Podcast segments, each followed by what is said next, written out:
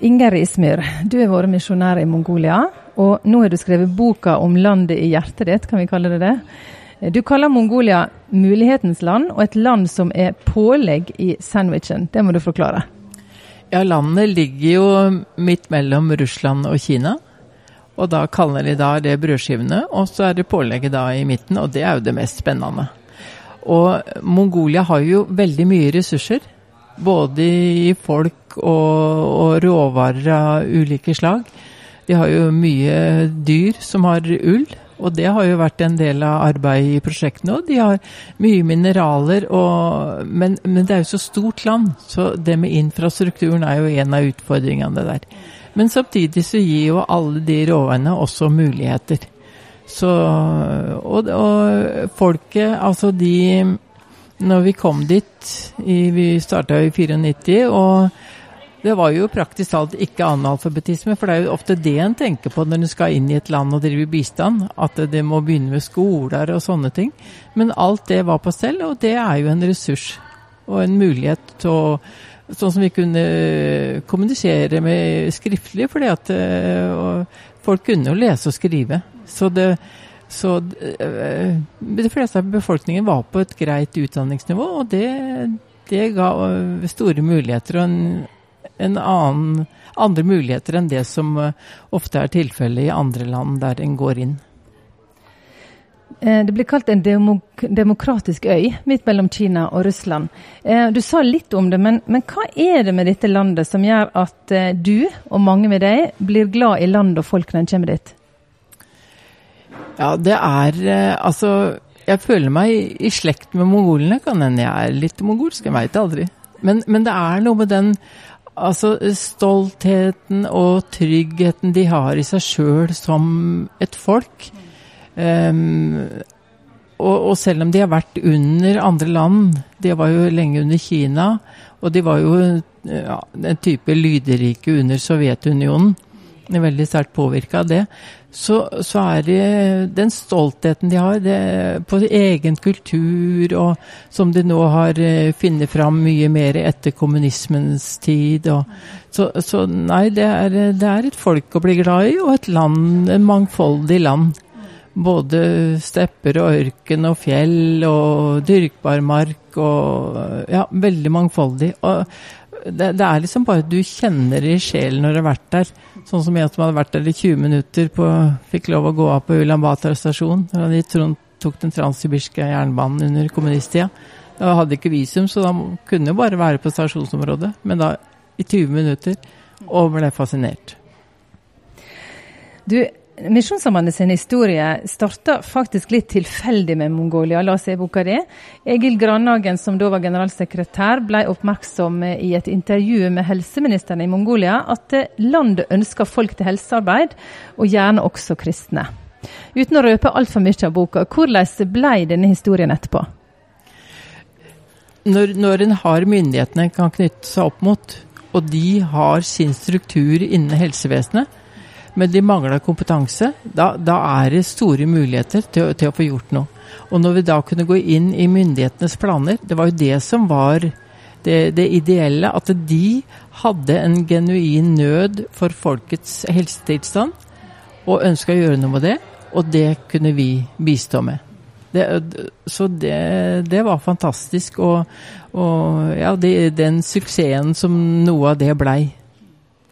Bistand og misjon er jo da tema i boka. Sant? Det begynte med helsearbeid og diverse andre ting. Eh, eh, hvordan kan bistand og misjon gå best hand i hand? Det har jo ofte vært kanskje kritikk om at det blir for mye bistand, for lite misjon. Du har et litt annet syn på det? Ja, altså jeg tenker jo at vi har to bein. Og da er det altså hjelpe mennesker både legemlig og åndelig. Altså eh, bistand og, og misjon, altså det er, det er, samme saken. Altså vi, vi, skal hjelpe folk både her og nå, og også gi dem et uh, håp om en uh, framtid. De første misjonærene kom i 1994. Og du har skrevet historien fra da og fram til nå. Eh, har du et par eksempel du kan dele med lytterne på ting som har vært vellykka i eh, misjonsarbeidet i Mongolia? Ja, det er mye. Altså, blant annet nevnte det med helse. At vi gikk inn i planene for uh, myndighetene ønska å uh, implementere et system for å bedre barnehelsen. Det var stor barnedødelighet. Og Misjonssambandet fikk tildelt noen fylker og områder som de skulle jobbe med å få ned barnedødeligheten. Og myndighetene får jo statistikk inn på sentralt nivå fra alle fylkene. Så så de at det, oi, her gikk jo barnedødeligheten ned i de fylkene. Og hva er det som skjer? Jo, det drives prosjekt der. Og så kunne de da si ja, men noe av den samme metodikken kan vi jo begynne med andre steder. Og det var jo helt enkle ting som de begynte med, altså sånn med hygiene og sånne ting. Og, og en del vrangforestillinger som var, f.eks. hvis, eh, hvis uh, unger hadde diaré og sånn, ja, da var det jo fordi de hadde for mye væske i kroppen. Så kroppen avviste væske, og da du ikke, skulle du ikke gi dem vann. Og så var det jo helt motsatt du skulle gjøre. Bare sånne helt enkle ting. Og det ble laga en del informasjonsvideoer som ble vist på TV, og i samarbeid da med andre organisasjoner. For det er jo mange organisasjoner som gikk inn på samme tidspunkt. Jeg så at Redd Barna de kom også inn i 1994. Og, og, Verdens helseorganisasjon jo, var jo der eh, før det. Og, så vi har eh, samarbeidet med Unicef. Og, så, så, det er mange som har vært, eh, vært, involvert. Og sammen så har vi gjort en forskjell for eh, Mongolia. Og sammen med myndighetene. At de, de, når myndighetene har genuint ønske om å hjelpe sin befolkning, og vi kan gå inn i det, det er bare helt fantastisk. I arbeidet med denne boka, har du lært noe sjøl òg? Ja, jeg har lært mye. For det, det er ikke bare enkelt å være ute som misjonær. Jeg følte meg ganske mislykka i perioder. Og så får jeg gjort noe nyttig? Er det Ja, det blir for mye jobb, og jeg blir sliten. Og, og det jeg lærte Jeg fikk å se sammenhengene, da. Og så at det, OK jeg følte meg mislykka, men, men, jeg var jo der og i hvert fall opprett, var med å opprettholde virksomheten, som andre da kunne overta i andre hand. Og, og det med Altså, de Det var jo mange av de altså mongolerne som oppmuntra oss. Ja, men det nytter jo. Dere må fortsette. Så, så, den vekselvirkningen der, og, og, og, så, og, mye av det stoffet som jeg har eh, henta fra utsyn, og, og, de gode historiene, og så har du de som ikke er så gode. Altså folk, folk som er i en Altså hele landet var jo i en dyp depresjon. Og da tenker vi et land i depresjon, så tenker vi kanskje økonomisk. Det var jo det òg. Men det var jo folka. Og når ikke de har håp, hva gjør du da? Og så var det historier da om at ja, de kom inn i, en, i, et hjem, og det så ikke ut, og var de var så fattige og orka ikke noen ting. Du så bare tomheten i blikket til, til mora i familien. Og så kom de til et annet hus.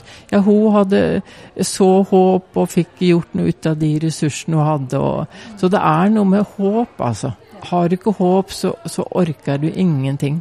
Så, så det å få, få tent håpet og det er det som ser igjennom alle de historiene. Så jeg ble jo overvelda av, av, så mye, mange bra historier. Og det er jo veldig mange mongoler som forteller sine historier. Så det er ikke misjonærenes historie, men det er mongolenes historie i, i stor grad. At det er de vi møter, enkeltmennesker som har fått, uh, fått hjelp. Både legemlig og åndelig. Hvorfor skal folk lese denne boka, Inger Ringsbø? Hvis de er interessert i Mongolia, selv om de ikke er interessert i misjon, så er jo mye av historien til Mongolia også med der. Og det er litt av de politiske utfordringene som de har, har hatt, og som de har. Og det med demokratibygging, som da fra, fra å være et kommunistisk diktatur i 1990 skulle da forvandles til et demokrati på no time. Åssen gjør du det? Altså det, og det er, det er, veldig mye å hente i boka, i tillegg til det som Misjonssambandet har gjort i samarbeid med myndighetene og med andre partnere som de har hatt. Så det er, hvis du er interessert i Mongolia, så les boka, og så får du i tillegg litt om misjon.